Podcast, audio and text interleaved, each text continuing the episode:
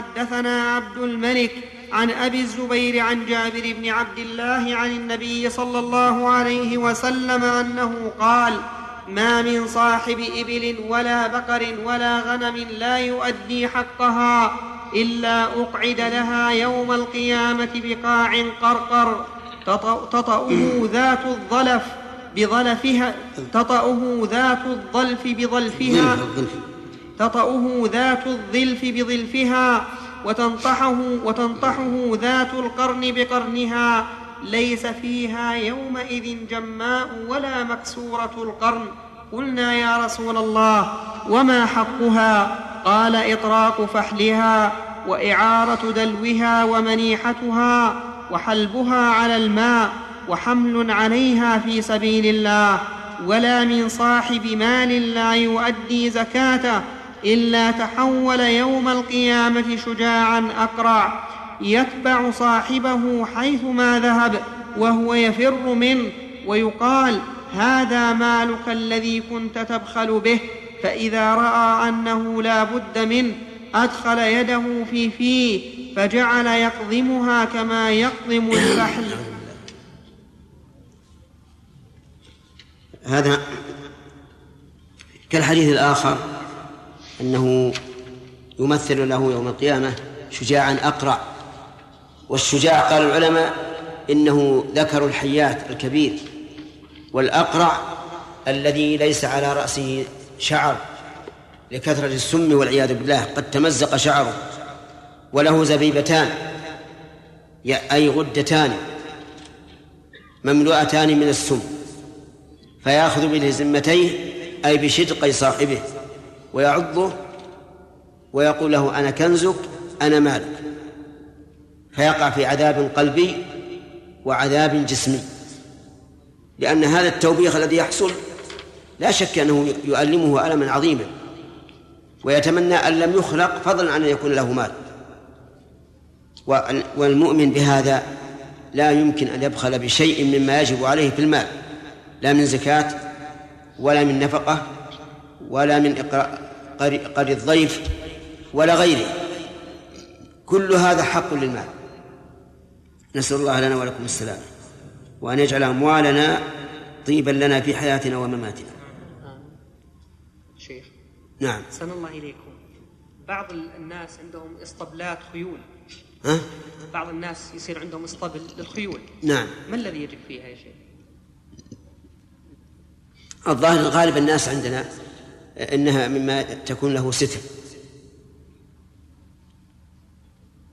لأن لو سالته هل اعددتها للجهاد في سبيل الله؟ قال لا. أعددتها للتجارة إما بالبيع والشراء فيها وإما بالمسابقة عليها. لكن فيها زكاة. ها؟ فيها زكاة. أليس للتجارة فيها زكاة. لا. والتي للمسابقة واستثمارها بالمسابقة كالعقار الذي للإجارة ليس فيها زكاة في ذاتها. وإنما في أجرتها. أي نعم فيما يحصل فيها من المسابقة إذا تم عليه الحول نعم. الشيخ أحسن نسمع بعض الناس يقول في جواب كلما يعني يجيبها بكلما يعني كلما كان كذا يكون كلما كان. أي هذا من لحن العوام. هذا من لحن العوام. أفهمت؟ الحريري رحمه الله قال إن قول بعض العلماء هب أن كذا كذا وكذا. قال هذا من لحن العوام. وهم علماء اللي يقول هذا. والصواب هب هذا كذا. هب زيدا قائما. هم يقولون هب أن أن زيدا قائم. هذا من اللحن. نعم. الشيخ صلى الله عليه وسلم. مسلم رحمه الله رواية حديث أبي هريرة رواية يقول أنه قال إذا لم يؤدي المرء حق الله أو الصدقة الشك هنا من النبي عليه الصلاة من الراوي الناقل عن النبي عليه الصلاة والسلام. حق الله أو الصدقة شك من الراوي. يعني هل قال حق الله أو قال الصدقة قول النبي صلى الله عليه وسلم الخير معقود في نواصيها الخير إلى يوم القيامة. نعم. في بعض الأحاديث الأجر أو المغنم. مع أن يعني نرى الآن أن الخير لم تعد تستخدم في الحرب. فهل معنى ذلك أن الزمان يستدير وتعود هذا هو الظاهر. الظاهر ان ان, أن هذه الآلات الفتاكة الآن سوف تزول. ويدل لهذا أن يأجوج ومأجوج إذا بعثوا وحاصروا عيسى ومن معه في جبل الطور. آه، قالوا نحن غلبنا أهل الأرض فل فل فلنغلب أهل السماء. ثم يرمون بنشابهم إلى السماء. فترجع مخضبة بالدماء. ثم يقول نحن غلبنا أهل السماء والأرض. فهذا مما يدل على أنه هذه الآلات الآن ستزول. وليس هذا يعني في التصور ليس هذا بعيد. الآن هذه الآلات قائمة على أي شيء؟ على الوقود البترول مثلا. والأشعة الشمسية أيضا ربما تتلف. ولكن عاد متى يكون هذا؟ الله أعلم. يعني هل معنى ذلك أن الإنسان يؤجر إذا ارتبط إذا ارتبط خيلا مع أنها لا تستخدم الآن في الحرب بنية أنه إذا جاء أوامر نعم يؤجر يؤجر. نعم. هل العملات المختلفة آه، تعد جنسا واحدا فيضم بعضها إلى بعض في أو أنها أجناس ولا لا تعتبر شيء شيء واحد كلها نقد نعم. بس الربا مو غير الزكاة. الزكاة تجب في كل المال. وأما الربا فهو من أجل المعاوضة.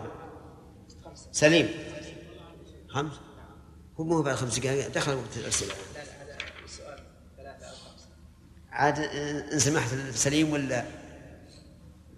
ها سليم. جزاك الله خير الخيل من أول يوم الحكم يضحك على الناس لو لو أن الخيل الذي صرفه من من قوم من قوم الحاضرين لو أن عليها واحد واحد جابان مرة يصير للناس منهم يلعب الناس اللي عندهم. يجعلوا حضورهم رفض من الخير. إي. هذا من الخير. كان يصير من الخير اللي الله إلا لأن قول الرسول الخيل هذا المراد به الجنس يعني آه، صاح الفارس له هيبة بلا شك.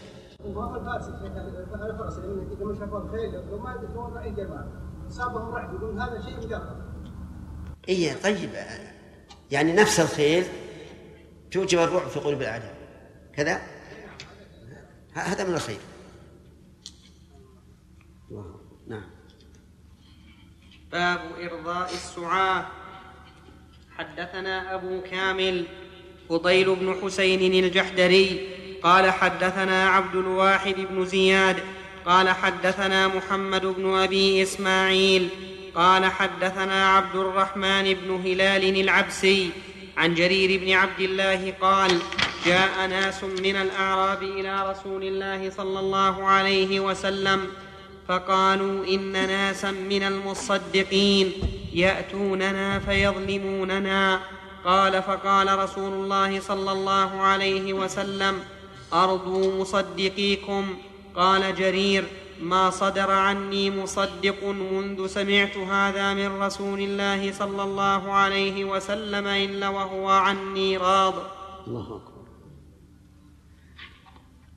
يعني معناها أنه ينبغي الإنسان أن إذا جاء المصدق الذي يقبل الصدقة أن يرضيه لأن الأصل أن المصدق ثقة عدل عارف وأنه لا يجعل على صاحب البستان إلا أو على صاحب الماشية إلا ما يجب.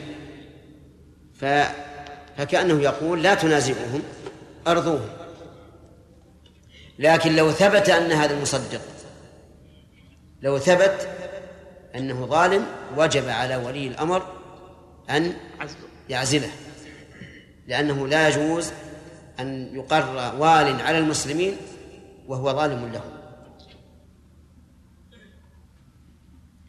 بسم الله الرحمن الرحيم. الحمد لله رب العالمين وصلى الله وسلم وبارك على أشرف الأنبياء والمرسلين نبينا محمد وعلى آله وأصحابه أجمعين. أما بعد فقد قال الإمام مسلم رحمه الله تعالى في صحيحه في كتاب الزكاة وحدثنا أبو بكر بن أبي شيبة قال حدثنا عبد الرحيم بن سليمان وحدثنا محمد بن بشار قال حدثنا يحيى بن سعيد حاء وحدثنا إسحاق قال أخبرنا أبو أسامة كلهم عن محمد بن أبي إسماعيل بهذا الإسناد نحوه. باب تغليظ عقوبة من لا يؤدي الزكاة. حدثنا أبو بكر بن أبي شيبة قال حدثنا وكيع قال حدثنا الأعمش عن المعرور بن سويد عن أبي ذر قال انتهيت إلى النبي صلى الله عليه وسلم وهو جالس في ظل الكعبة فلما رآني قال هم الأخسرون ورب الكعبة. قال فجئت حتى جلست فلم أتقار أن قمت فقلت يا رسول الله فداك أبي وأمي من هم؟ قال هم الأكثرون أموالا إلا من قال هكذا وهكذا وهكذا من بين يديه ومن خلفه وعن يمينه وعن شماله وقليل ما هم ما من صاحب إبل ولا بقر ولا غنم لا يؤدي زكاتها إلا جاءت يوم القيامة أعظم ما كانت وأسمنه تنطحه بقرونها وتطاه بأظلافها كلما نفدت أخراها عادت عليه أولاها حتى يقضى بين الناس. وحدثناه أبو كريب محمد بن العلاء قال حدثنا أبو معاوية عن الأعمش عن المعرور عن أبي ذر قال انتهيت إلى النبي صلى الله عليه وسلم وهو جالس في ظل الكعبة فذكر نحو حديث وكيع غير أنه قال والذي نفسي بيده ما على الأرض رجل يموت فيدع إبلا أو بقرا أو غنما لم يؤد زكاتها. حدثنا عبد الرحمن بن سلام الجمحي قال حدثنا الربيع يعني ابن مسلم عن محمد بن زياد عن أبي هريرة أن النبي صلى الله عليه وسلم قال ما يسرني ان ما يسرني أن لي أحدا ذهبا. تأتي عليه ثالثة وعندي منه دينار. إلا دينار أرصده لدين علي. وحدثنا محمد بن بشار.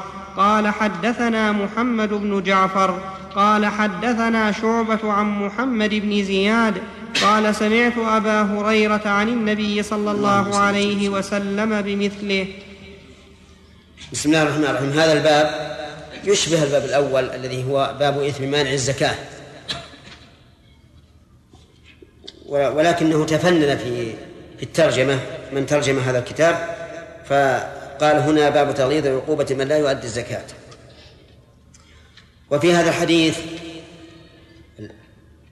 أن الأكثرين أموالا في الدنيا هم الأخسرون إذا لم ينفقوها في سبيل الله. فأما إذا أنفقوها في سبيل الله فنعم المال الصالح عند الرجل الصالح. ويدل على أنهم خاسرون إذا لم يفعلوا قول الله تبارك وتعالى يا أيها الذين آمنوا لا تلهكم أموالكم ولا أولادكم عن ذكر الله ومن يفعل ذلك فأولئك هم هم الخاسرون. وفي حديث اللفظ الثاني جواز الإقسام بدون أن يطلب من الإنسان أن يقسم. لقول النبي صلى الله عليه وسلم والذي نفسي بيده. وهذا يعني الإقسام بدون استقسام يراد به تثبيت ما يلقى عند السامع وهو حسن في موضعه. أما كون الإنسان يحلف على كل شيء فهذا قال الله فيه ولا تطع كل حلاف مهين. وهو يوحي بأن الرجل ليس عنده ثقة فيما يقول وبالتالي لا يثق الناس به لأنه ما دام كل ما دام يقسم على كل شيء يخبر به. وأما آخر الحديث حديث أبي هريرة أيضا ففيه أن النبي صلى الله عليه وسلم أزهد الناس في الدنيا لا يريدها. ما يسرني أن لي أحد أن لي أحدا ذهبا تأتي علي علي ثالثة وعندي منه دينار إلا دينارا إلا دينارا أرصده لدين علي. ففي هذا دليل واضح على أن النبي صلى الله عليه وسلم أزهد الناس في الدنيا. نعم. باب التق ما حكم قول رجل للآخر فداك نفسي أو فداك أبي وأمي؟ هذا يجوز إذا كان حق هذا الإنسان أعظم من حق الأب والأم. ولا أظن ذلك يكون إلا للرسول صلى الله عليه وسلم. نعم. هل نقول يحرم كما قاله بعضهم؟ تحريم صعب لكنه لا يقول. نعم. معنى أقصد اليدين علي يعني إذا كان عليه دين يبقيه ما ينفقه يأتي صاحبه يعني. نعم. حتى يأتي صاحب حتى يوفى الدين إي نعم. ترى ورقتك هذه دور في زكاة نعم. نعم يا سليم. معنى كلام الرسول صلى الله عليه وسلم يقول يقول يملكه هكذا وهكذا. نعم. يحتمل إنها تكسر على الزكاة ولا الزكاة؟ هذا ظاهر الحديث انه أنه فوق الزكاة. لكن ما ما فوق الزكاة ليس بواجب. إي نعم.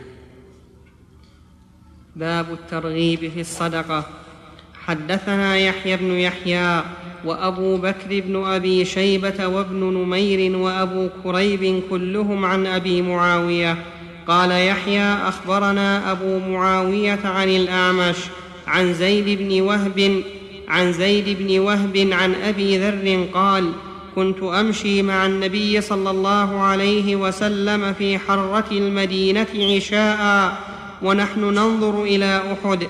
فقال لي رسول الله صلى الله عليه وسلم يا أبا ذر. قال قلت لبيك يا رسول الله. قال ما أحب أن أحدا ذاك عندي ذهب أمسى ثالثة عندي منه دينار إلا دينارا أرصده لدين. إلا أن أقول به في عباد الله هكذا حثى بين يديه وهكذا عن يمينه وهكذا عن شماله. قال ثم مشينا فقال يا أبا ذر. قال قلت لبيك يا رسول الله. قال إن الأكثرين هم الأقلون يوم القيامة إلا من قال هكذا وهكذا وهكذا مثل ما صنع في المرة الأولى. قال ثم مشينا. قال يا أبا ذر كما أنت حتى آتيك. قال فانطلق حتى توارى عني. قال سمعت لغطا وسمعت صوتا. قال فقلت لعل رسول الله صلى الله عليه وسلم عرض, له. قال فهممت أن أتبعه. قال ثم ذكرت قوله لا تبرح حتى آتيك. قال فانتظرته. فلما جاء ذكرت له الذي سمعت قال فقال ذاك جبريل أتاني؟ فقال من مات من أمتك لا يشرك بالله شيئا دخل الجنة. قال قلت وإن زنى وإن سرق؟ قال وإن زنى وإن سرق. اللهم في هذا دليل على الحديث دليل على اصطحاب بعض الأصحاب واختصاصه بالصحبة ولا يعني ذلك أن أن يكون أفضل من غيره على الإطلاق. فهذه الصحبة الخاصة المنفردة بأبي ذر رضي الله عنه خاصة بلا شك وهي منقبة لكن لا لكن لا يعني ذلك أنه يعطى التفضيل المطلق. وفي هذا الحديث دليل على كمال أدب الصحابة مع النبي صلى الله عليه وعلى آله وسلم وأنهم يقدمون قوله على كل احتمال. فإنه لما قال كما أنت حتى أتيك وذهب وسمع سمع سمع أبو ذر اللغط والأصوات خشي أن يكون عرض أحد للنبي صلى الله عليه وسلم. فهممت فهم أن يتبعه ينظر ما الذي حدث إلا أنه ذكر قوله كما أنت حتى أتيك. فبقي. فكان فكان في هذا دليل على حرص الصحابة رضي الله عنهم على تنفيذ أمر النبي صلى الله عليه وسلم وإن خالف ما يهوونه ويريدونه. وفيه دليل على فضيلة التوحيد. وأن من مات من من أمة محمد صلى الله عليه وسلم لا يشرك بالله شيئا دخل الجنة. فقال له أبو ذر وإن زنى وإن سرق؟ قال وإن زنى وإن سرق. وذلك أن الزاني إذا تاب قبل أن يقام عليه الحد تاب الله عليه. تاب الله عليه. وإن أقيم عليه الحد كان كفارة وإن مات فهو تحت المشيئة. إن شاء الله غفر له وإن شاء عذبه. وإذا عذبه فإن مآله إلى الجنة. لأن النبي صلى الله عليه وعلى آله وسلم قال دخل الجنة ولم يقل ولا يدخل النار. بل قال دخل الجنة فإما أن يكون دخوله دخولا مطلقا إذا عفى الله عنه عن زناه وعن سرقته وإما أن يكون دخولا مسبوقا بالعذاب على حسب جرمه. نعم. وحدثنا قتيبة بن سعيد قال حدثنا جرير عن عبد العزيز وهو ابن رفيع عن زيد بن وهب عن أبي ذر قال خرجت ليلة من الليالي فإذا رسول الله صلى الله عليه وسلم يمشي وحده ليس معه إنسان. قال فظننت أنه يكره أن يمشي معه أحد. قال فجعلت أمشي في ظل القمر. فالتفت فرآني فقال من هذا؟ فقلت أبو ذر جعلني الله فداءك. قال يا أبا ذر تعالى قال فمشيت معه ساعة فقال إن المكثرين هم المقلون يوم القيامة إلا من أعطاه الله خيرا فنفح فيه يمينه وشماله وبين يديه ووراءه وعمل فيه خيرا قال فمشيت معه ساعة فقال اجلس ها هنا قال فأجلسني في قاع حوله حجارة فقال لي اجلس ها هنا حتى أرجع إليك قال فانطلق في الحرة حتى لا أراه فلبث عني فأطال اللبث ثم إني سمعته وهو مقبل وهو يقول وإن سرق وإن زنى قال فلما جاء لم أصبر فقلت يا نبي الله جعلني الله فداءك من تكلم في جانب الحرة؟ ما سمعت أحدا يرجع إليك شيئا؟ قال ذاك جبريل عرض لي في جانب الحرة فقال بشر أمتك أنه من مات لا يشرك بالله شيئا دخل الجنة. فقلت يا جبريل وإن سرق وإن زنى؟ قال نعم. قال قلت وإن سرق وإن زنى؟ قال نعم. قال قلت وإن سرق وإن زنى؟ قال نعم. وإن شرب الخمر. الحمد لله. اللهم في هذا الحديث من الفوائد غير ما سبق أن النبي صلى الله عليه وسلم كان لا يعلم الغيب لأنه لم يعلم عن أبي ذر حتى التفت ورآه وفيه كمال أدب الصحابة رضي الله عنهم مع النبي صلى الله عليه وعلى آله وسلم فإن أبا ذر لما رأى النبي صلى الله عليه وسلم يمشي وحده لم يتقدم حتى يمشي إلى جانبه مع أنه يحب بكل قلبه أن يمشي إلى جانب الرسول صلى الله عليه وسلم. لكن لكمال أدبهم مع الرسول إذا إذا رأوه يخشى أن يعني أو يكره أن يمشي أحد معه تأخروا عنه ولم يضيقوا عليه بالمشي معه ففي هذا كمال أدبه وفيه أيضا أنه عليه الصلاة والسلام كان يعاشر أصحابه بكل عشرة حسنة لأنه لما رآه بعيدا قال له تعالى تعالى ألها هذه؟ للسكت. وفي هذا الحديث دليل على أن الإنسان ينبغي له ألا يخزن الأموال وأن ينفقها في سبيل الله عز وجل. لكن ما كان واجبا فأمره ظاهر وما كان غير واجب فهو تطوع. نعم. باب في الكنازين للأمر نعم. الواجبة عليه من التطوع يكون من المقلين يوم القيامة؟ إذا لم إذا لم إذا لم ينفق الأموال أي نعم. ليست واجبة عليه نعم. ظاهر الحديث نعم أنه يكون من المقلين لأنه لا يجمع له بين الكثرة في الدنيا والآخرة. نعم. شيخ حفظك الله قول جبريل ثالثة نعم وشرب الخمر. نعم. هل يدخل منه ان شرب الخمر أعظم من السرقة والزنا؟ اي نعم. من وجه واعظم لأن شرب الخمر والعياذ بالله هو مفتاح كل شر كما جاء في الحديث وهو أم الخبائث ويحصل فيه يترتب عليه مفاسد عظيمة يترتب عليه طلاق الزوجات واعتاق العبيد وغير ذلك.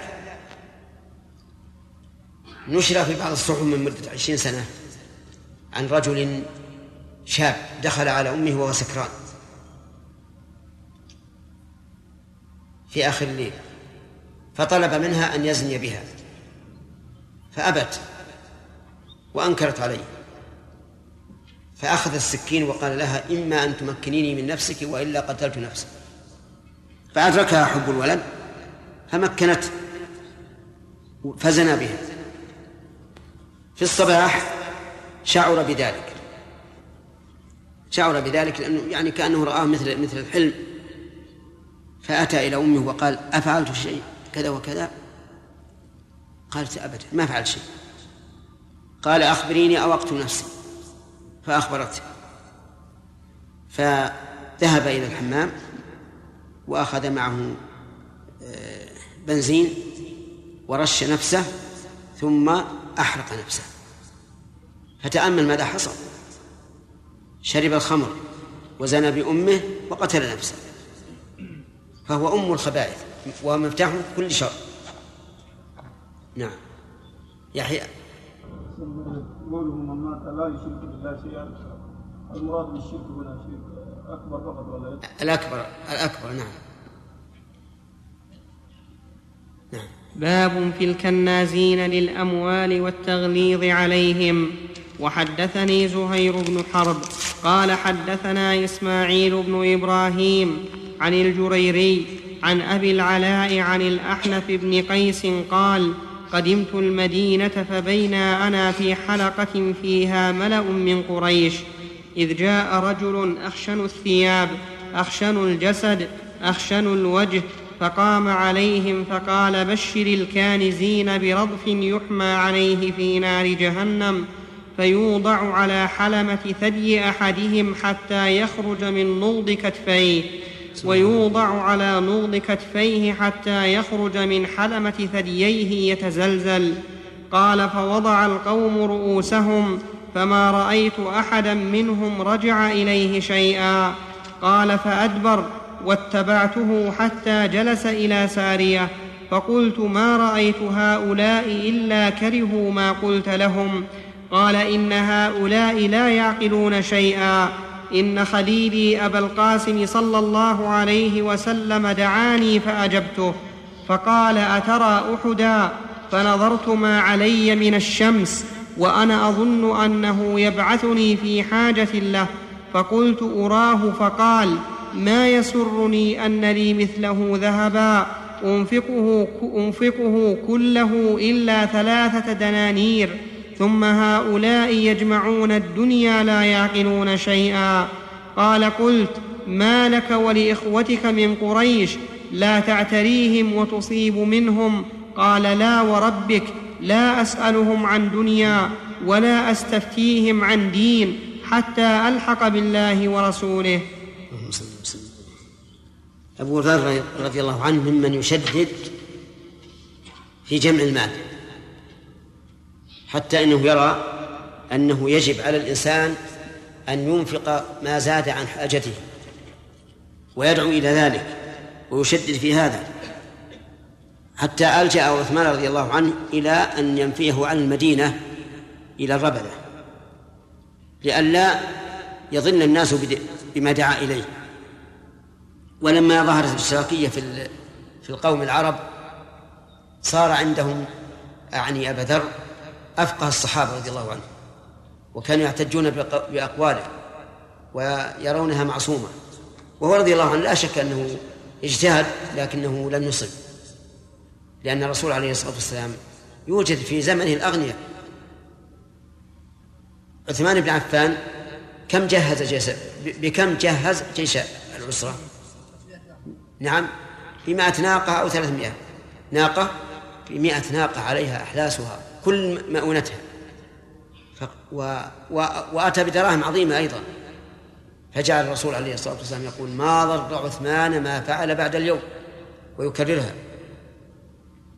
لكنه رضي الله عنه اجتهد وفهم من قول الرسول عليه الصلاة والسلام فيما سبق إلا من قال هكذا وهكذا وهكذا.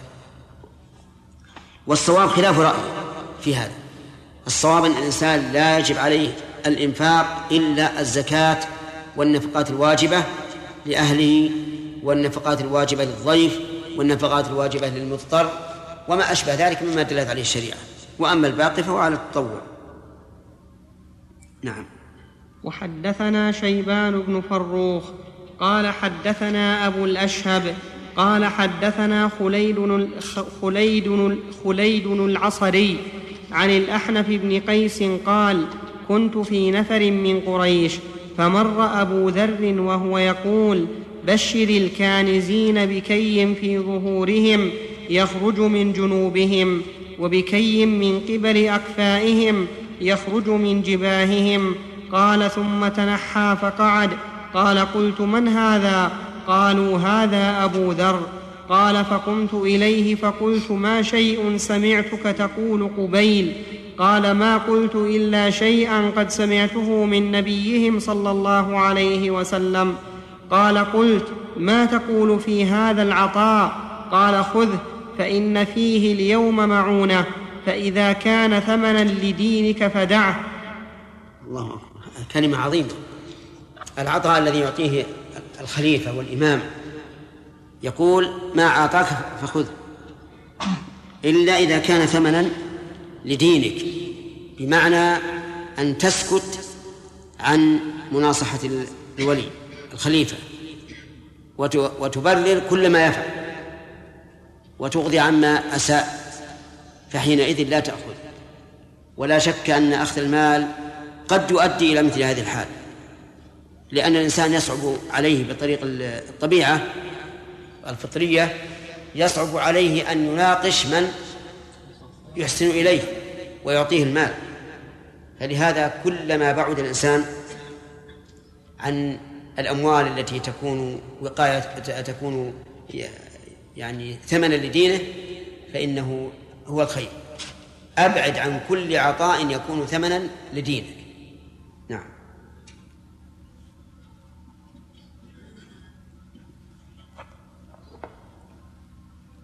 باب الحث على النفقة. باب الحث على النفقة وتبشير المنفق بالخلف.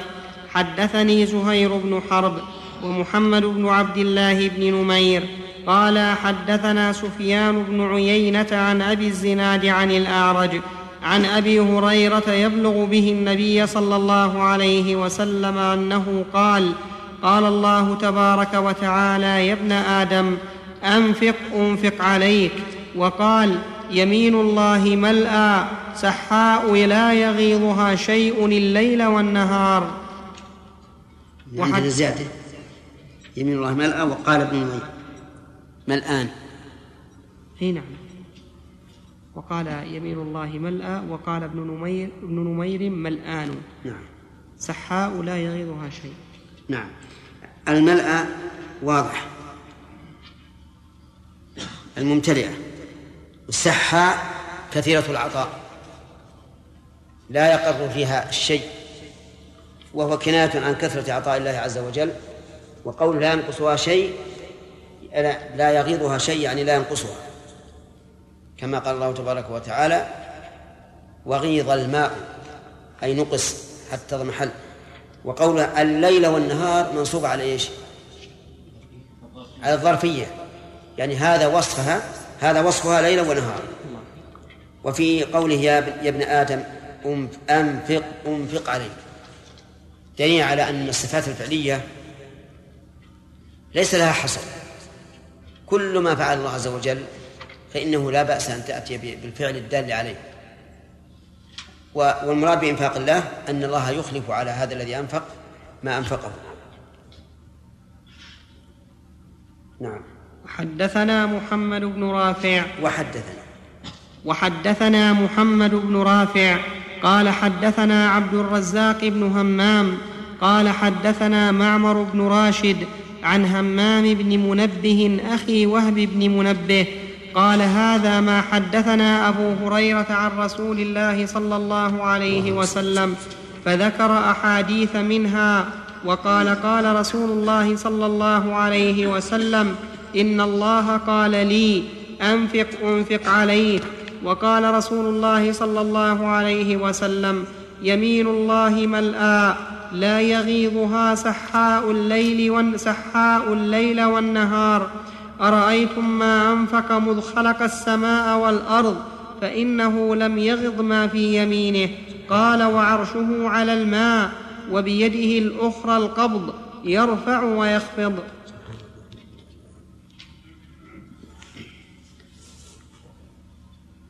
نعم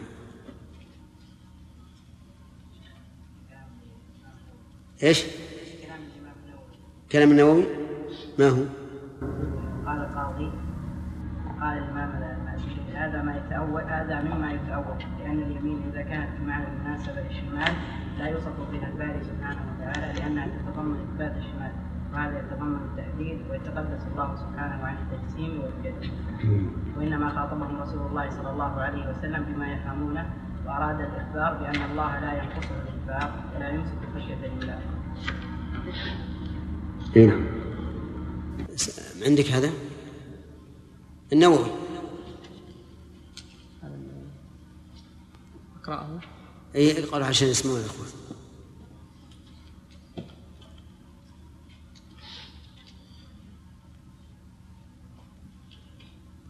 صفحة كم؟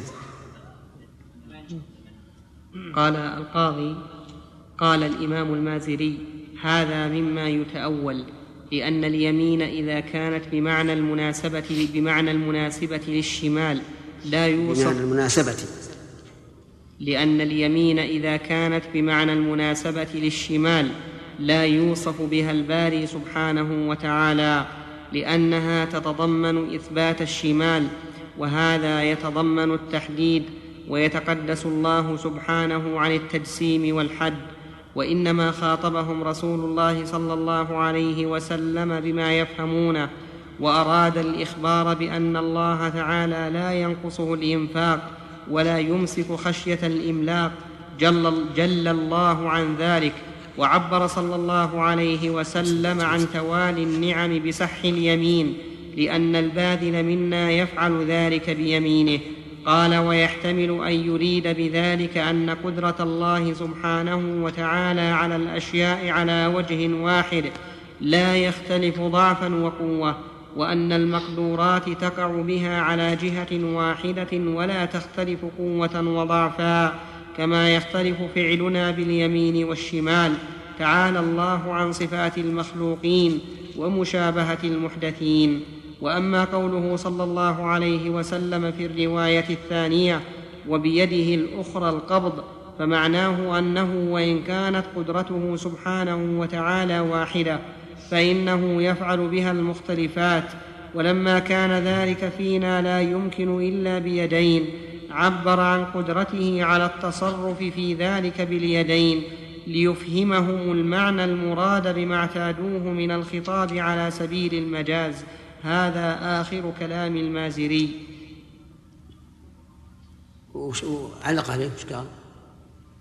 تكلم على لا يغيرها سحاء لا لا كلام المازري. لا ما علق عليه. على كل حال هذا هذا الكلام المازري نسأل الله أن يعفو عنه. هذا على طريق أهل التحريف الذين يسمون أنفسهم أهل التأويل لتزيين اللفظ وعدم النفرة من من طريقهم. وإلا فهذا تحريف واضح.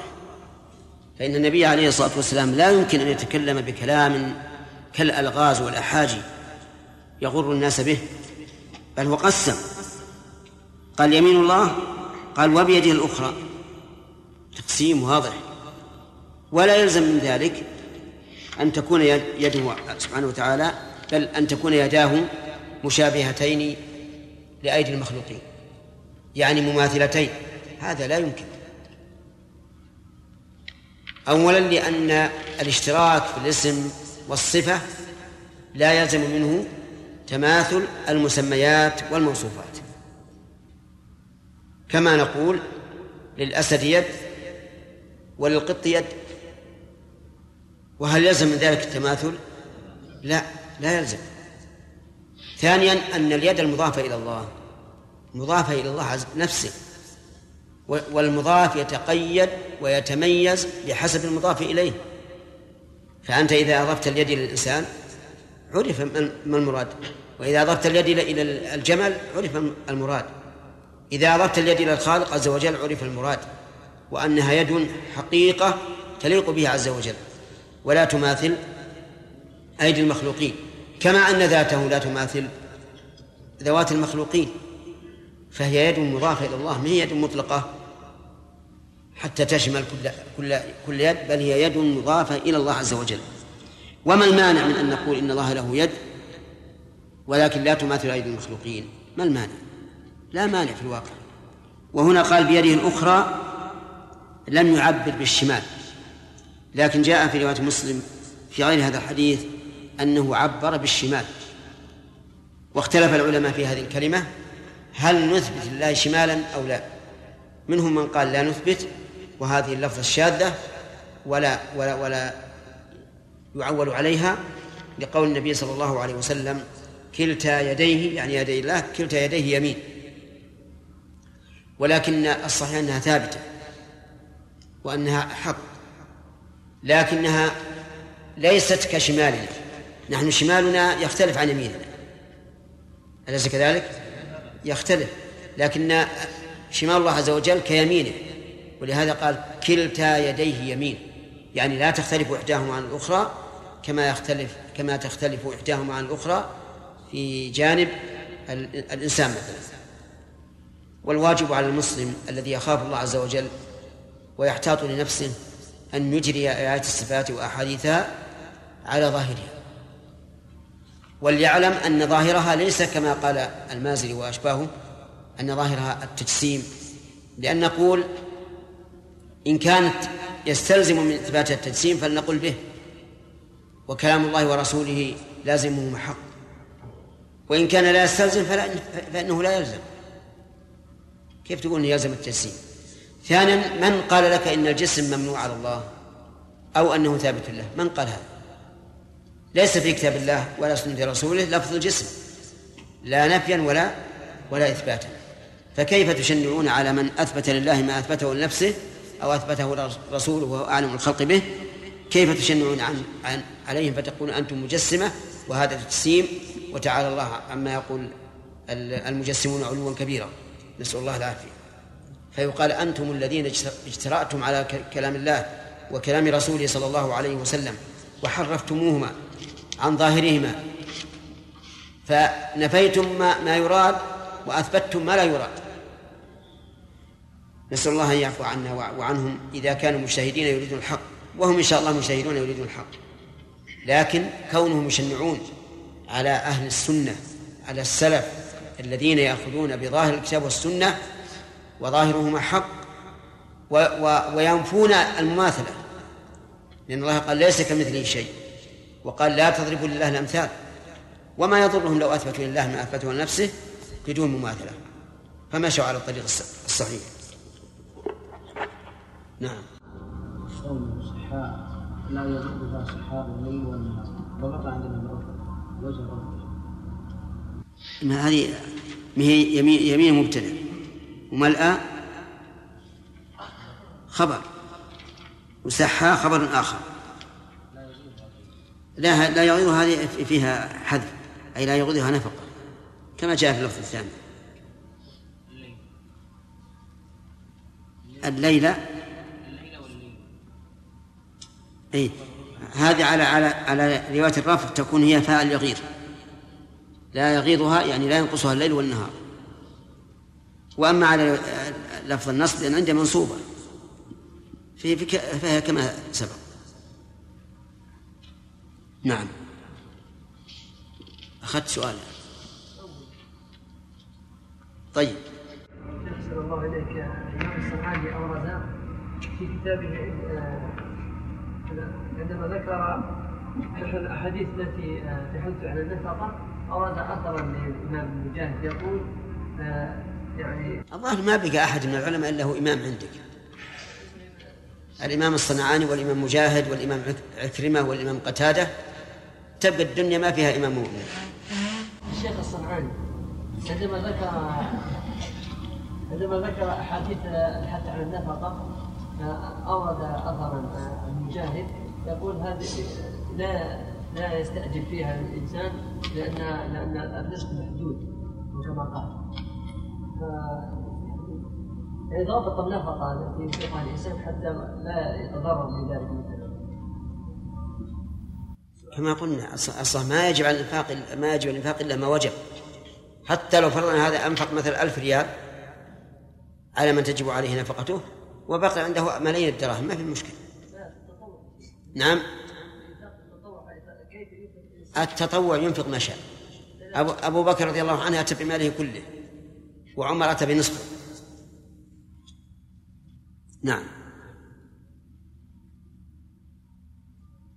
باب فضل النفقة على العيال والمملوك وإثم من ضيعهم أو حبس نفقتهم عنهم. حدثنا أبو الربيع الزهراني وكتيبة بن سعيد كلاهما عن حماد بن زيد.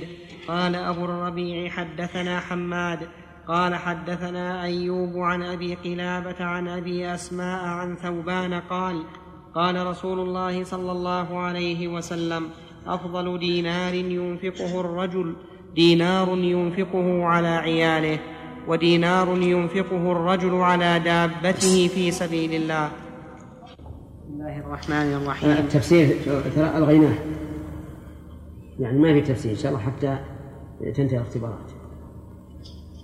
كن مسلم كل ليلة. والبخاري والاقتضاء آه، بالتناول. نعم.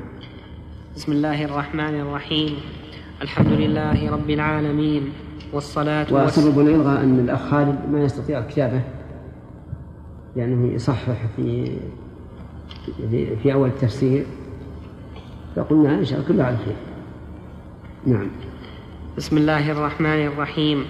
الحمد لله رب العالمين والصلاة والسلام على أشرف الأنبياء والمرسلين نبينا محمد وعلى آله وأصحابه أجمعين. أما بعد فقد قال الإمام مسلم رحمه الله تعالى في صحيحه في كتاب الزكاة باب فضل النفقة على العيال والمملوك. وإثم من ضيعهم أو حبس نفقتهم عنهم. حدثنا أبو الربيع الزهراني وقتيبة بن سعيد كلاهما عن حماد بن زيد. قال أبو الربيع حدثنا حماد. قال حدثنا أيوب عن أبي قلابة عن أبي أسماء عن ثوبان قال قال رسول الله صلى الله عليه وسلم أفضل دينار ينفقه الرجل دينار ينفقه على عياله. ودينار ينفقه الرجل على دابته في سبيل الله. ودينار ينفقه على أصحابه في سبيل الله. قال أبو قلابة وبدأ بالعيال ثم قال أبو قلابة وأي رجل أعظم أجرا من رجل ينفق على عيال صغار يعفهم أو ينفعهم الله به ويغنيهم؟ وإيش؟ ويغنيهم. يغنيهم آه، بسم الله الرحمن الرحيم. هذا من نعمة الله على عباده أن الإنسان إذا أنفق على أهله مع وجود النفقة فهو أفضل ما ينفق عليه. كما جاء في الحديث. وأبو قلابة رحمه الله قال أي رجل أعظم أجرا من رجل ينفق على عيال صغار يعفهم أو ينفعهم الله به ويغنيهم؟ يعفهم يعني في مسألة النكاح إذا كانوا قد إذا بلغوا. أو ينفعهم الله به ويغنيهم في حال الصغر والكبر. ولهذا قال النبي صلى الله عليه وسلم الساعي على الأرملة والمساكين كالمجاهد في سبيل الله. وأحسبه قال كالصائم لا يفطر وكالقائم لا يفتر فلله الحمد. نعم. حدثنا أبو بكر بن أبي شيبة وزهير بن حرب وأبو كريب واللفظ لأبي كريب قالوا حدثنا وكيع عن سفيان عن مزاحم بن زفر عن مجاهد عن أبي هريرة قال قال رسول الله صلى الله عليه وسلم دينار أنفقته في سبيل الله ودينار أنفقته في رقبة ودينار تصدقت به على مسكين ودينار أنفقته على أهلك أعظمها أجرا الذي أنفقته على أهلك. حدث أكثر الناس الآن لا يفقهون هذا المعنى. تجده ينفق على من ليسوا من أهله ويجعل الإنفاق على أهله يظن أن هذا أفضل. وكذلك تجد نظير هذا أو قريب منه أن بعض الناس يحرص على صلوات النوافل ويحكمها ويجيدها والفرائض يهمل فيها. وهذا لا شك أنه من تلبيس إبليس أن أنه يزهد الإنسان فيما هو أعظم أجرا ويعتني بما هو دون ذلك. نعم. حدثنا سعيد بن محمد الجرمي قال حدثنا عبد الرحمن بن عبد الملك بن أبجر الكناني عن الكناني عن أبيه عن طلحة بن مصرف عن خيثمة قال كنا جلوسا مع عبد الله بن عمرو إذ جاءه قهرمان له فدخل فقال أعطيت الرقيق قوتهم؟ قال لا قال فانطلق فأعطهم. قال قال رسول الله صلى الله عليه وسلم كفى بالمرء إثما أن يحبس عمن يملك قوته. القهرمان كأنه السكرتير أو القريب من الرجل. والكلمة هذه الظاهر أنها ليست عربية. لكن لما اشتهرت صار العرب يتكلمون بها. ها؟ فارسية. نعم إيش؟ نعم. إنها فارسية؟ ومعناها؟ لا الخادم كبير الخادم لا الخازن. الخازن. إي نعم. ففيه دليل على أن الكلمة إذا اشتهرت وهي باللغة الأعجمية أنه لا بأس باستعمالها. مثلا التلفون بعض الناس يقول لا تقول تلفون قل هاتف. ولكن لا بأس لأن هذه اسم هذا اسم مشتهر والموتر بعض الناس موتر يعني استجارة وأصلها ماطور أصلها يقولون أصلها ماطور ثم عاد تغيرت بالتعريف. نعم. ما شاء الله. جاوبت أسئلة؟ شيخ عنده زكاة. مال. نعم. وليس عنده غيرها وأهله في حاجة هل نقول أنه ينفقها على أهله ولا يخرجها؟ لا ينفقها ويخرجها بعد. بعد. يعني أهله ليسوا أهل للزكاة لكن ينفقها ثم يخرجها بعد. نعم.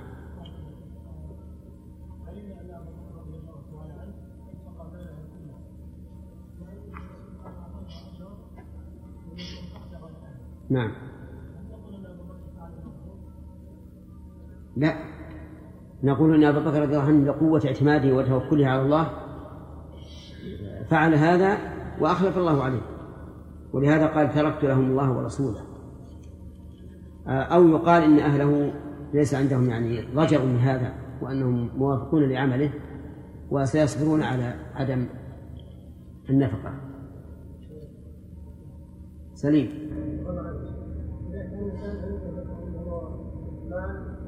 ليس له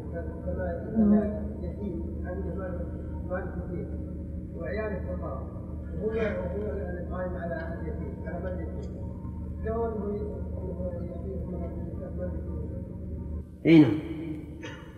له ذلك.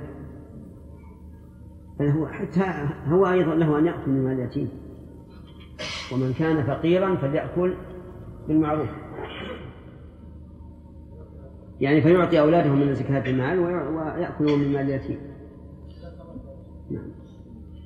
باب الابتداء في النفقة بالنفس ثم أهله ثم القرابة حدثنا قتيبة بن سعيد قال حدثنا ليث حا وحدثنا محمد بن رمح قال أخبرنا الليث عن أبي الزبير عن جابر قال أعتق رجل من بني عذرة عبدا له عن دبر فبلغ ذلك النبي فبلغ ذلك رسول الله صلى الله عليه وسلم فقال ألك مال غيره؟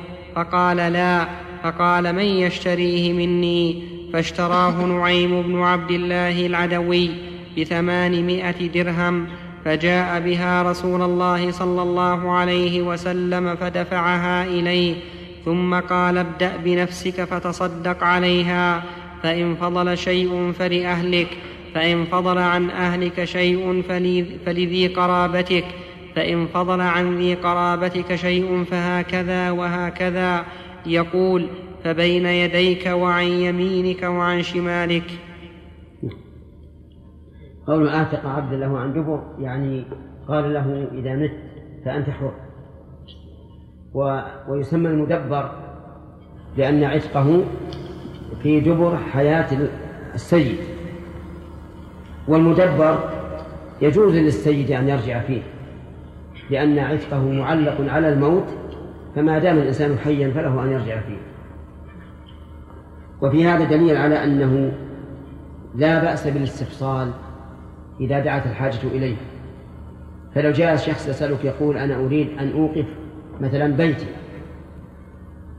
فلك أن تقول هل عندك غيره؟ هل أنت مطلوب؟ مع أن الأصل عدم المانع لكن إذا ظننت أن أن المسألة تحتاج إلى تفصيل ففصل. ولهذا الرسول ولهذا كان قال النبي عليه الصلاة والسلام لهذا ألا كمال غيره؟ قال لا. مع أن الأصل أن العتق جائز وهو مدبر لكنه لما كأن النبي عليه الصلاة والسلام والله أعلم رأى من حال الرجل أنه فقير. فسأله هل عندك مال سواه. نعم. وحدثني يعقوب بن إبراهيم الدورقي. وحدثني. وحدثني يعقوب بن إبراهيم الدورقي. قال حدثنا إسماعيل يعني ابن علي عن أيوب عن أبي الزبير عن جابر أن رجلا من الأنصار يقال له أبو مذكور أعتق غلاما له عن دبر يقال له يعقوب وساق الحديث بمعنى حديث الليث. هذا في بيان السيد و... و... والعتيق وفائدة سياقه الدلالة على ضبط الرواية فقط.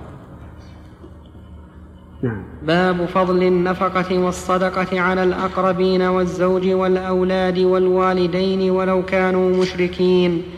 حدثنا يحيى بن يحيى قال قرأت على مالك عن إسحاق بن عبد الله بن أبي طلحة أنه سمع أنس بن مالك يقول كان أبو طلحة أكثر أنصاري بالمدينة مالا وكان أحب أمواله إليه بيرحا وكانت مستقبلة المسجد وكان رسول الله صلى الله عليه وسلم يدخلها ويشرب من ماء فيها طيب.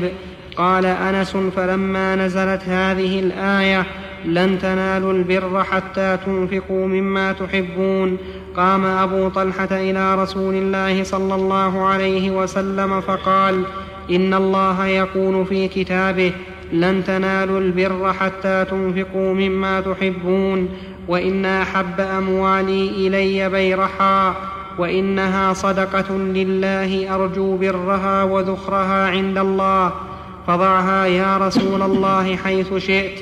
قال رسول الله صلى الله عليه وسلم بخ ذاك مال الرابح ذاك مال الرابح قد سمعت ما قلت فيها وإني أرى أن تجعلها في الأقربين. فقسمها أبو طلحة في أقاربه وبني عمه. نعم. كيف؟ ذلك؟ لا. يمكن فيها رواية ثانية. كان ربط القراءة. عندك ذاك ولا ذلك؟ وش في هذا؟ ذاك مال الرابح عندي ذلك. ذلك باللام. باللام. نعم. وإنما وصفه النبي صلى الله عليه وسلم بأنه رابح لأنه يجازى عليه الحسنة بعشر أمثاله. إلى سبعمائة ضعف إلى أضعاف كثيرة. ربح مضمون لكن لو كانت تجارة دنيوية فقد يضمن الربح وقد لا يضمن وقد يخسر أكثر مما يتوقع. وهذا كما كان عبد الله بن عمر يفعل رضي الله عنه. إذا أعجبه شيء من ماله تصدق به. وقال إن الله أنزل لن تنالوا البر حتى تنفقوا ما تحبون. رضي الله عنه. نعم. حدثنا محمد بن حاتم قال حدثنا بهز قال حدثنا حماد بن سلمة قال حدثنا ثابت عن أنس قال لما نزلت هذه الآية لن تنالوا البر حتى تنفقوا مما تحبون. قال أبو طلحة أرى ربنا يسألنا من أموالنا فأشهدك يا رسول الله أني قد جعلت أرضي بريحا لله. قال فقال رسول الله صلى الله عليه وسلم اجعلها في قرابتك. قال فجعلها في حسان بن ثابت في حسان بن ثابت وأبي بن كعب. حدثني هارون بن سعيد الأيلي قال حدثنا ابن وهب قال أخبرني عمرو عمرو عن بكير عن كريب عن ميمونة بنت الحارث أنها أعتقت ولي أنها أعتقت وليدة في زمان رسول الله صلى الله عليه وسلم فذكرت ذلك لرسول الله صلى الله عليه وسلم فقال لو أعطيتها أخوالك كان أعظم لأجرك.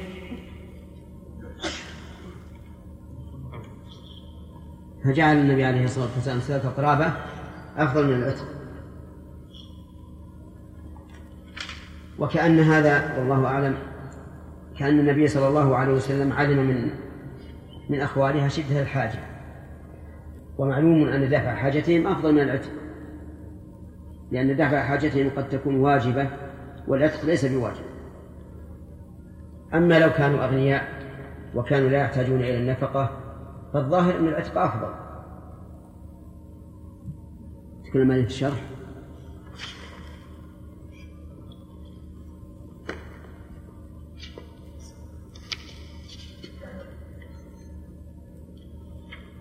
قوله صلى الله عليه وسلم في قصة ميمونة حين أعتقت الجارية لو أعطيتها أخوالك كان أعظم لأجرك. فيه فضيلة صلة الأرحام والإحسان إلى الأقارب وأنه أفضل من العتق وهكذا وقعت هذه اللفظة في صحيح مسلم أخوالك باللام ووقعت في رواية غير الأصيلي في البخاري وفي رواية الأصيلي أخواتك بالتاء. قال القاضي ولعله أصح بدليل رواية مالك في الموطأ أعطيتها أختك. آه قلت الجميع صحيح ولا تعارض وقد قال صلى الله عليه وسلم ذلك كله وفيه الاعتناء بأقارب الأم إكراما بحقها وهو زياده في برها وفيه جواز تبرع المرأة بما لها بغير إذن زوجها. فقط.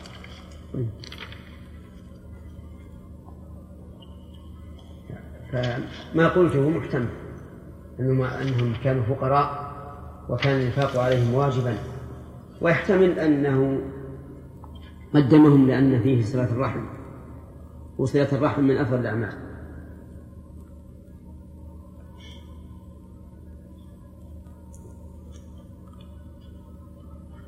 حدثنا حسن بن الربيع قال حدثنا أبو الأحوص عن الأعمش صلتها بالنبي صلى الله عليه وسلم؟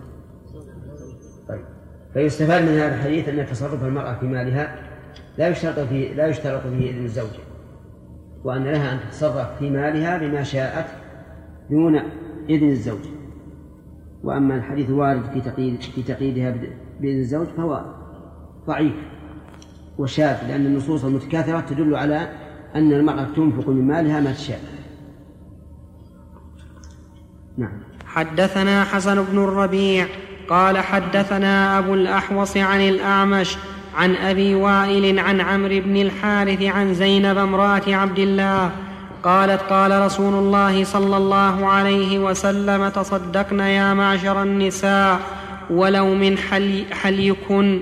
قالت فرجعت إلى عبد الله فقلت إنك رجل خفيف ذات اليد وإن رسول الله صلى الله عليه وسلم قد أمرنا بالصدقة فأته فاسأل فإن كان ذلك يجزئ عني فإن كان ذلك يجزي عني وإلا صرفتها إلى غيركم.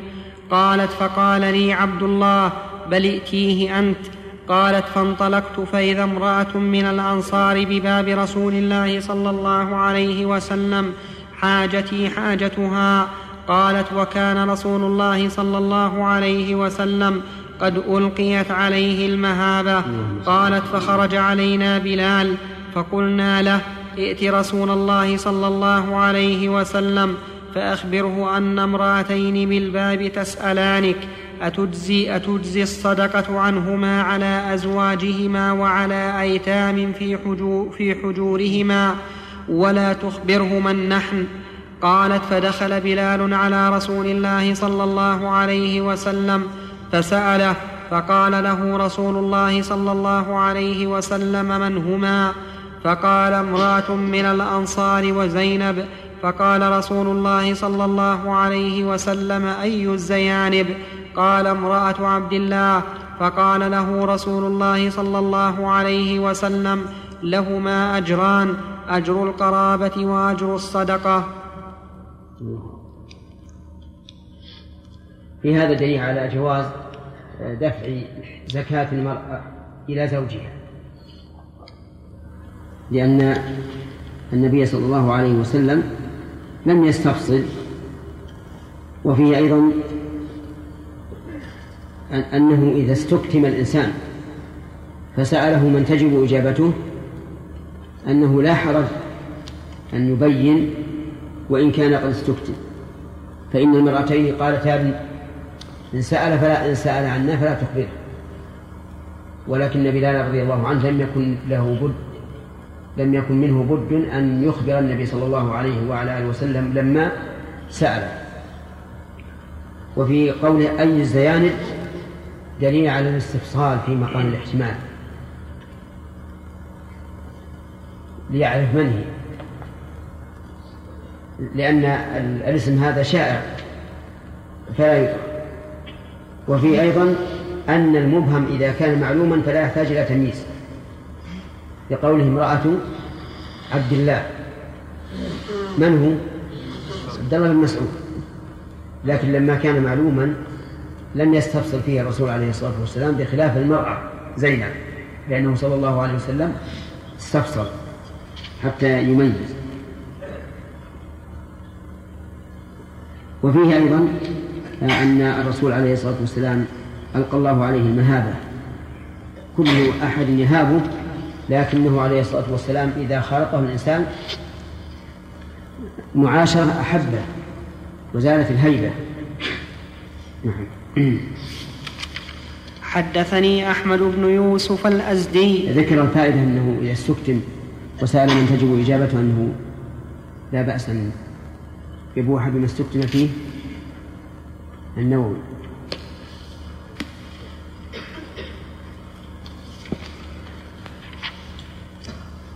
ما ذكر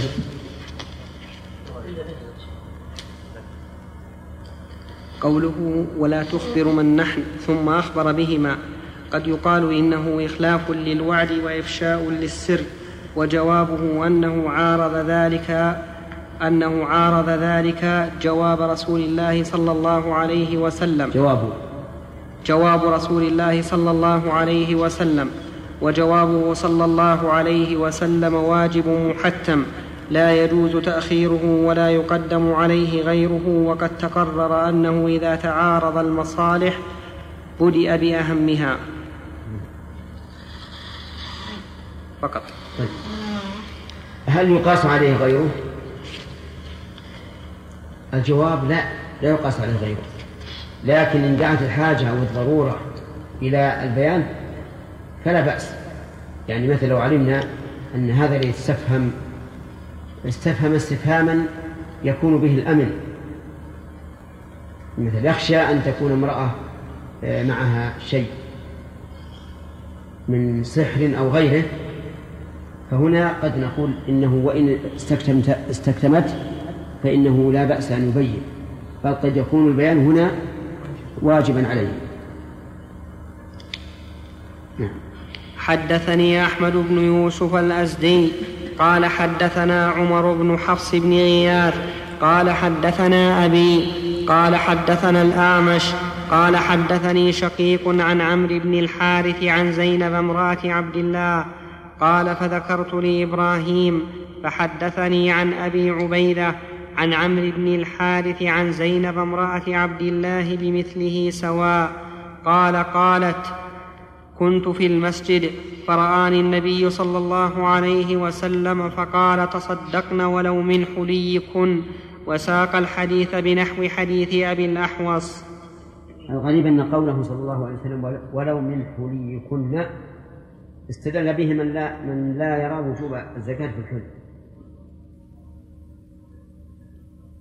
ولا ولا دلالة فيه. كأن الرسول عليه الصلاة والسلام قال تصدقنا ولو بالشيء الذي تحتاجانه ومن حوائجكن الأصلي وهو الحلي وهذا يمنع. كما لو لو لو قلت تصدق ولو من درهم تعده لأهلك هل معنى ذلك أن هذا الدرهم ليس فيه زكاة؟ لا. وأنا ذكرت ذلك حتى يتبين للإنسان أنه يجب أن يجعل حكمه تابعا للدليل لا أن يرد الدليل إلى حكمه أو عقيدته. يعني لأن بعض العلماء الأجلة الكبار تجدهم إذا مر الدليل على خلاف ما يرون يحاولون أن يلووا عنقه إلى ما يرونه. وهذا غلط لأننا نحن متعبدون بشريعة الله. لا بأهوائنا. والإنسان يجب عليه عند المجادلة أن لا ينوي الانتصار لنفسه وإنما ينتصر للحق سواء كان له أو عليه. نعم. هذا أمر يعني يجب على طالب العلم أن ينتبه له وأن يسأل الله أيضا ويستعين بالله أن يهديه الصراط المستقيم. نعم. حد نعم يا سليم.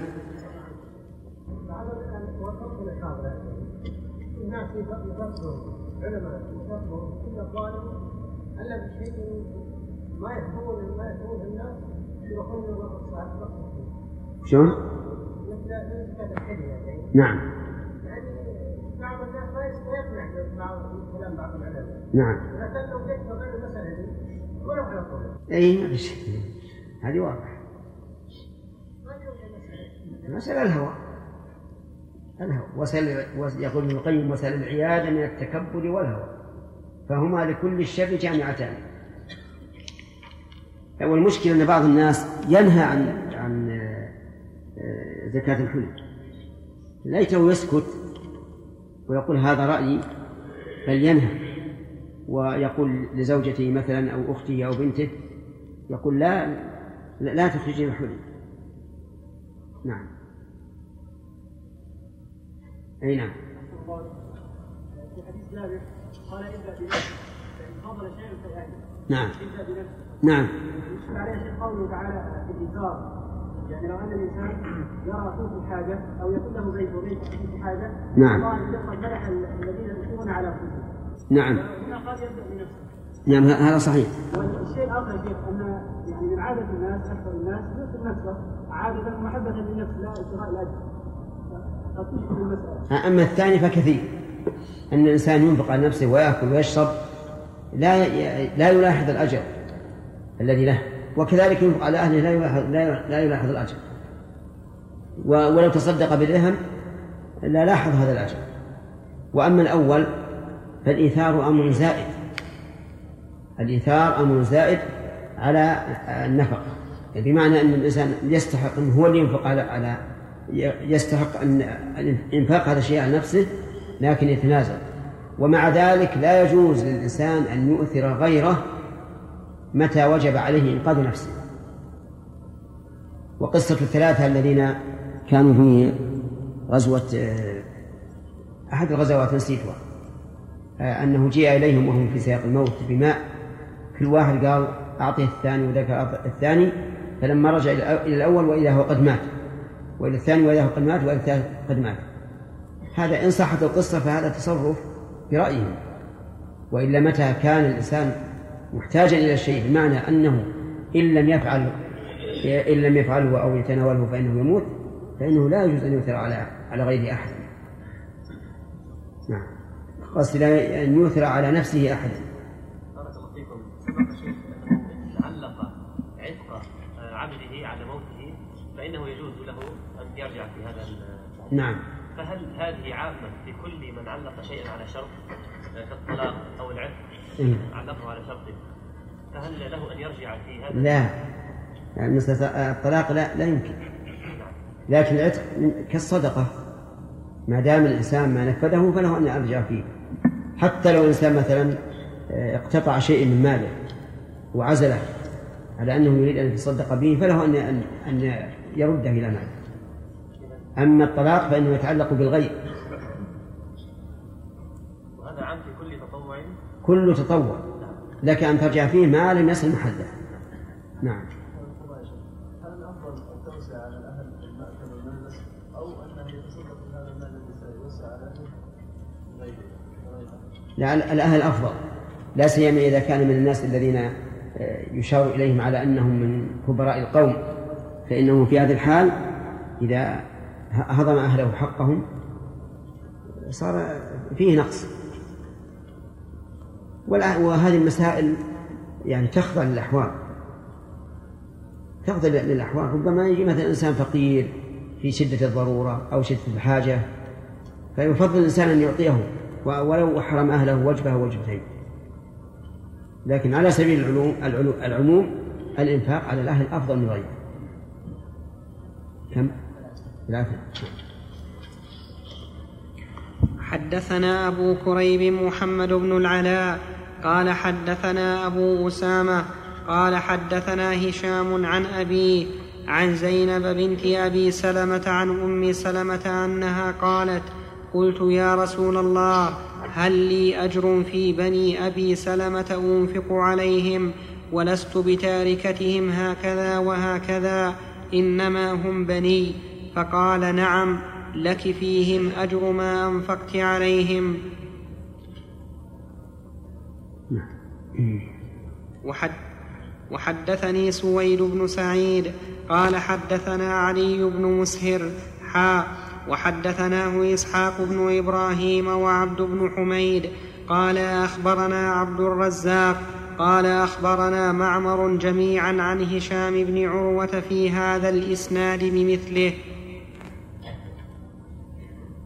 حدثنا عبيد الله بن معاذ العنبري قال حدثنا أبي قال حدثنا شعبة عن عدي وهو ابن ثابت عن عبد الله بن يزيد عن أبي مسعود البدري عن النبي صلى الله عليه وسلم أنه قال إن المسلم إذا أنفق على أهله نفقة وهو يحتسبها كانت له صدقة.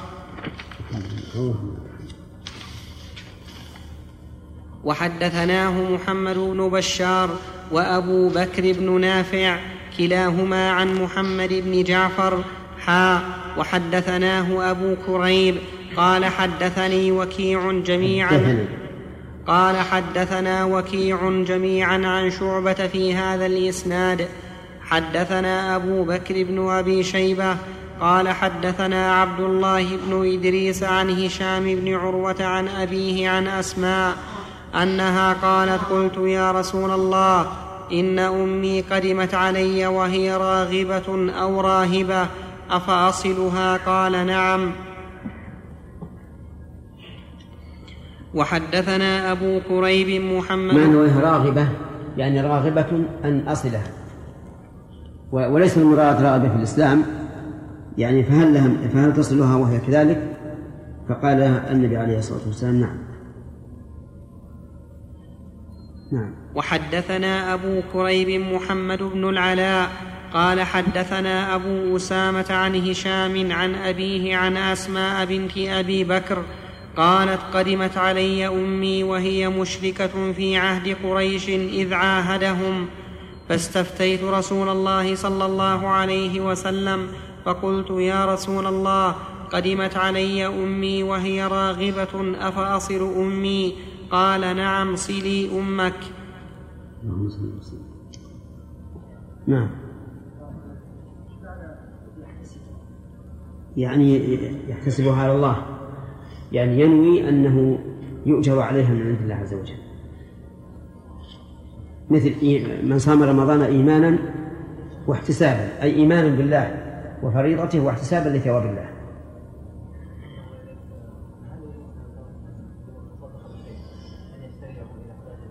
لا يجوز.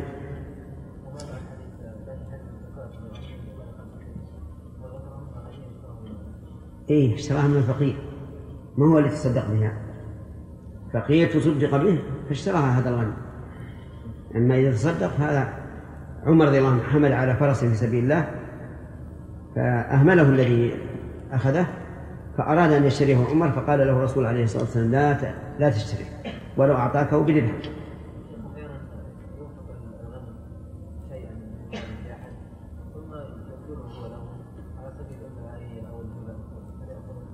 أبد كل شيء أخرجه لله لا, لا تقبل نعم.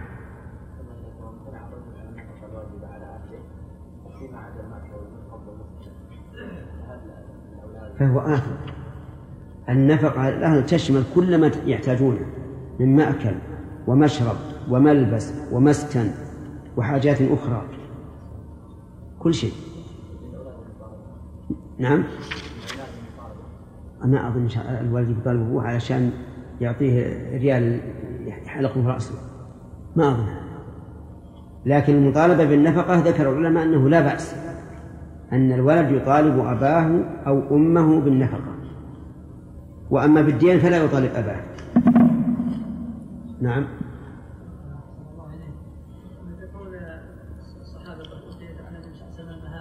نعم. هل يجوز التكلم في حسن؟ لأن بعض الناس بعض الناس على حاله. بعض الناس حتى له طريق حتى وإن كان طريقا يعطى مهابة. وبعض الناس يكون كلا متعقد نعم ولا له مهابة لا من الله عز وجل المهابة من الله نعم. يعني؟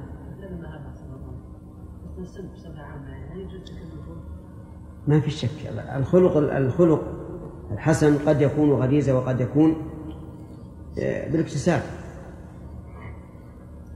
نعم. ثلاثة. باب وصول ثواب الصدقة عن الميت إليه. وحدثنا محمد بن عبد الله بن نمير قال حدثنا محمد النبي عليه الصلاة والسلام قال إن فيك لخلقين يحبهما الله الحلم والأنات قال يا رسول الله أخلقين تخلقت بهما أم جبل الله عليهما؟ قال بل جبلك الله عليهما. قال الحمد لله الذي جبلني على ما يحب. فهذا دليل على أن الأخلاق تكون بالاكتساب وتكون بالجبلة وهذا شيء مشاهد.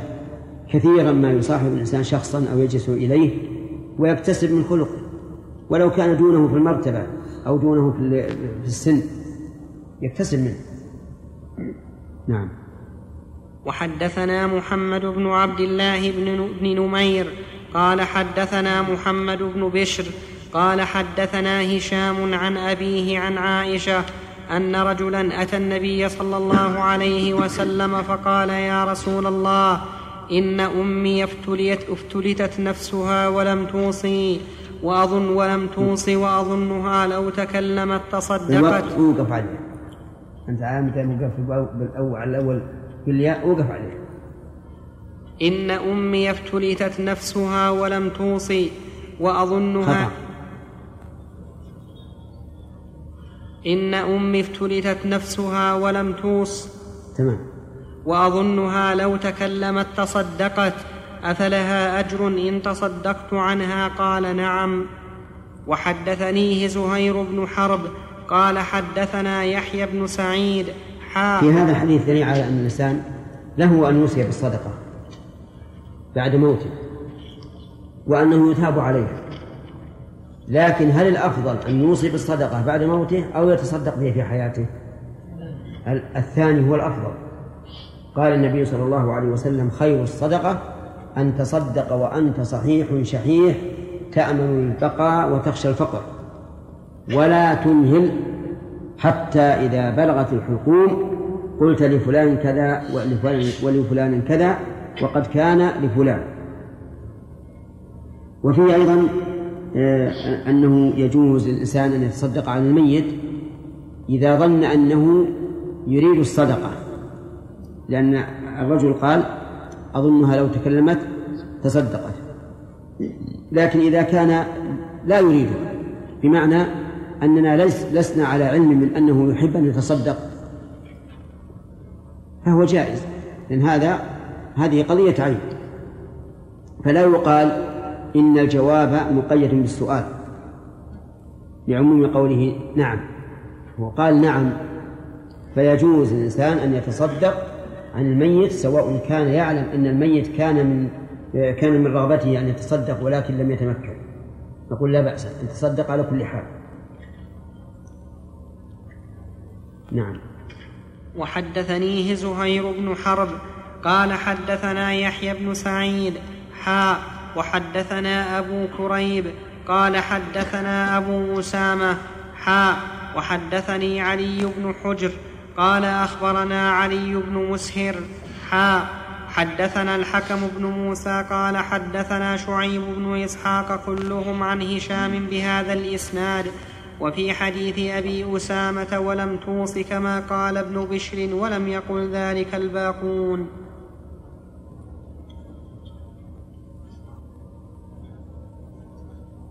نعم. في قوله يحتسبها هل هذا يقيد ما سبق من الأجر في النفقة على النفس وعلى الأهل؟ من أنه لابد من أن يحتسب الأجر. اي لابد لابد كما قال الرسول سعد بن أبي وقاص تبتغي بها وجه الله.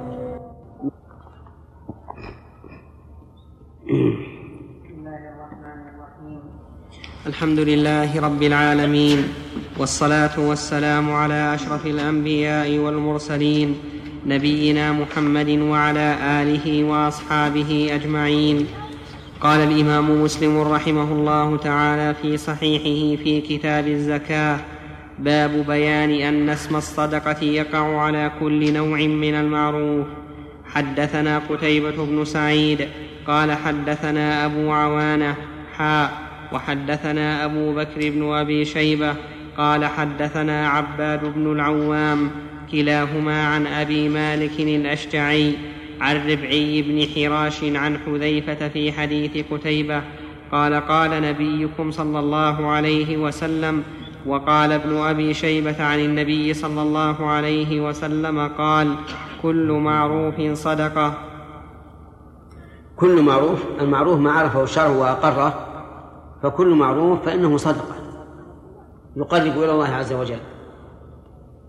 وهذا يشمل المعروف المالي والبدني والجاهي والعلمي وكل شيء وكل شيء. نعم.